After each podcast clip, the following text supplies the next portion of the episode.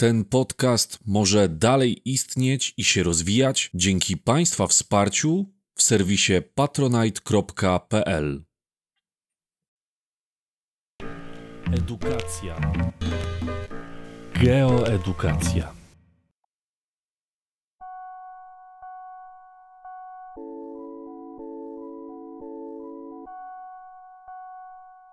Wpływ działalności człowieka na hydrosferę. Wody występujące na naszej planecie możemy podzielić na trzy podstawowe rodzaje, czyli wody znajdujące się we wszechoceanie, wody powierzchniowe, czyli jeziora, rzeki i bagna, oraz wody podziemne. Człowiek będzie wpływał na każdy z tych rodzajów wód. Dodatkowo, wpływ człowieka możemy rozumieć na kilka sposobów. Najprościej można go podzielić na dwa takie rodzaje. Pierwszym z nich będzie wpływ na stan wody, czyli na jej jakość, albo też ilość i rodzaj zanieczyszczeń, jakie się w niej znajdują.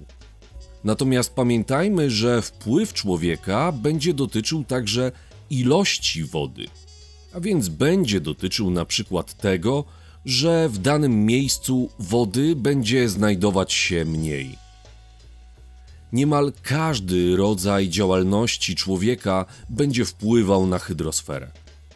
W rolnictwie zapewne najbardziej będzie nam się kojarzyć wykorzystywanie wody do nawadniania obszarów, których tej wody brakuje. Ale rolnictwo to także wykorzystywanie nawozów sztucznych, które następnie mogą trafiać do wód powierzchniowych. W przemyśle woda będzie wykorzystywana zarówno do chłodzenia, jak i jako element niezbędny w wielu procesach produkcyjnych. Jako przykłady gałęzi przemysłu, które wymagają dużych ilości wody, możemy z całą pewnością wskazać przemysł chemiczny, celulozowo-papierniczy oraz energetyczny. Jednak oczywiście nie są to jedyne gałęzie przemysłu, które potrzebują wody. W nieco inny sposób na hydrosferę będzie wpływał przemysł wydobywczy, który będzie wymagał odprowadzania wód podziemnych, aby nie zalały one wyrobisk i kopalni. Woda jest także niezbędna do celów komunalnych, a więc związanych z bytowaniem człowieka. Chodzi tutaj chociażby o higienę czy wykorzystywanie jej w kuchni. Jako przykłady ingerencji człowieka w ilość wody, na pierwszym miejscu powinniśmy wskazać przykład jeziora Aralskiego. Na klęskę przyrodniczą w tym miejscu zadziałał cały szereg czynników. Przede wszystkim związana ona jest z nadmiernym poborem wód z dwóch rzek Syrdarii oraz Amudarii, które wpadały do jeziora Aralskiego. Woda z tych dwóch rzek była pobierana, aby umożliwić rozwój rolnictwa.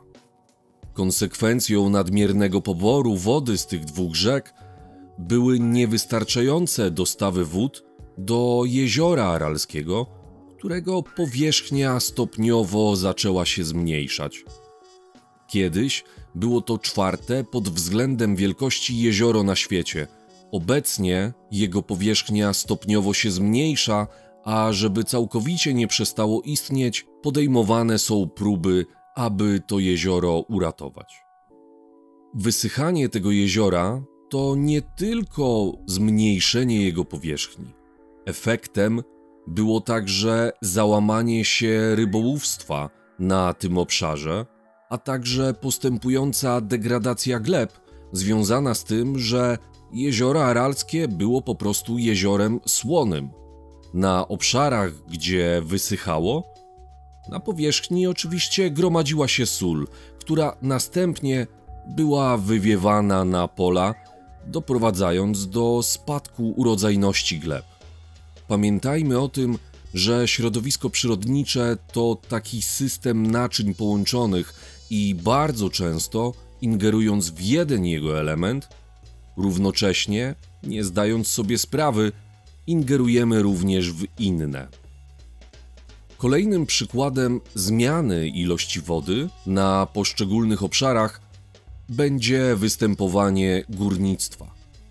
Aby zabezpieczyć kopalnię przed zalaniem, konieczne jest odpompowywanie wody, co prowadzi do obniżenia poziomu wód podziemnych na pewnym obszarze, a w związku z tym z powstawaniem zjawiska tzw. Tak leja depresyjnego, czyli lokalnego obniżenia poziomu wód podziemnych.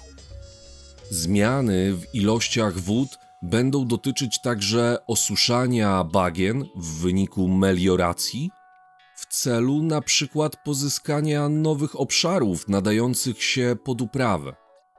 Bagna są to naturalne miejsca, w których woda jest retencjonowana, czyli gromadzona w czasie nadmiernych opadów, co z jednej strony powoduje mniejsze ryzyko powodzi, a z drugiej strony oznacza większe zapasy w przypadku pojawienia się suszy.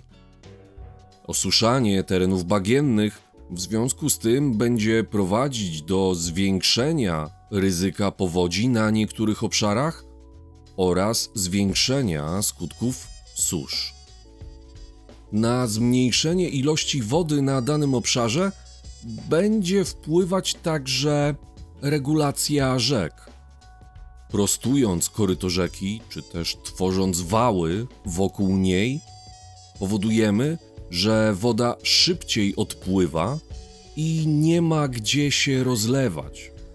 Powoduje to niekorzystne zmiany w bilansie wodnym, czyli mówiąc prościej, oznacza to, że woda szybciej z naszego obszaru odpływa, a mniej jej zostaje i zasila wody podziemne. Wpływ na ilość wody będzie mieć także oczywiście budowa zbiorników retencyjnych. Olbrzymie znaczenie ma to zwłaszcza w krajach o klimacie suchym. Z jednej strony budowa takich zbiorników będzie oczywiście ograniczać ryzyko powodzi i gromadzić wodę na czas suszy, z drugiej jednak strony pamiętajmy o tym, że zbiorniki będą mieć większą powierzchnię niż rzeka, a to będzie oznaczać większe parowanie i większe straty wody w skali całego regionu. Budowa wszystkich zbiorników retencyjnych będzie zawsze przynosić zarówno skutki pozytywne, jak i negatywne. Do wspomnianych wcześniej pozytywnych skutków, oprócz zapobiegania powodziom, czy gromadzeniu wody na wypadek suszy, należy dodać także możliwość wytwarzania prądu w hydroelektrowniach oraz rozwój turystyki na danym obszarze.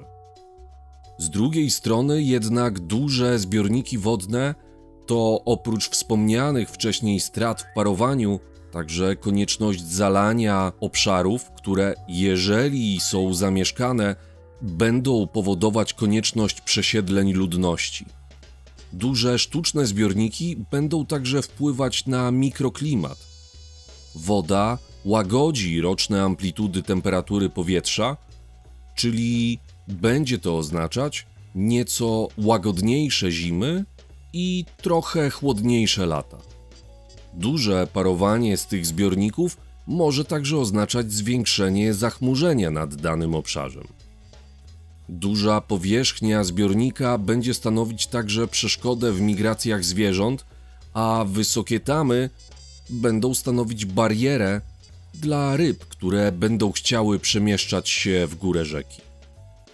Czasami budowa takich zbiorników może prowadzić do napięć pomiędzy dwoma krajami, tak jak obecnie w wyniku budowy tamy Wielkiego Odrodzenia przez Etiopię dochodzi do pogorszenia relacji pomiędzy wspomnianą wcześniej Etiopią a Egiptem oraz Sudanem.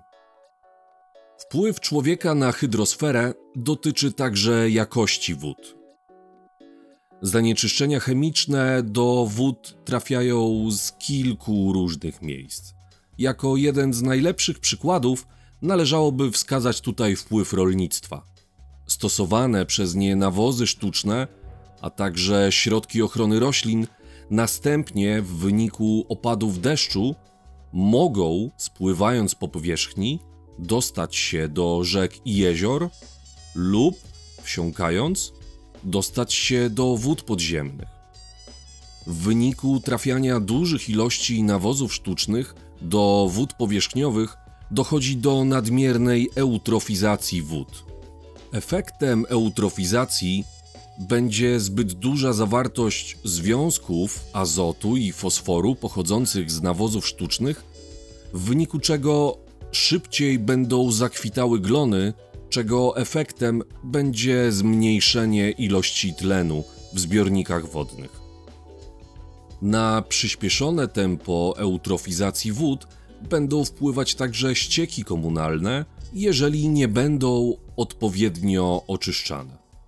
Na zanieczyszczenia wód powierzchniowych w oczywisty sposób wpływać będą także ścieki przemysłowe, a tutaj charakter zanieczyszczeń będzie bardzo mocno zależny od tego, co po prostu trafia do wody. Warto pamiętać także, że do zanieczyszczeń wód powierzchniowych będziemy zaliczyć także zrzuty wód ciepłowniczych do rzek. Do zanieczyszczeń wielkoskalowych należy także zaliczyć katastrofy tankowców czy też wycieki ropy naftowej z platform wiertniczych, tak jak miało to miejsce w 2010 roku w Zatoce Meksykańskiej. Opanowanie tego wycieku zajęło blisko 3 miesiące, a straty były ogromne.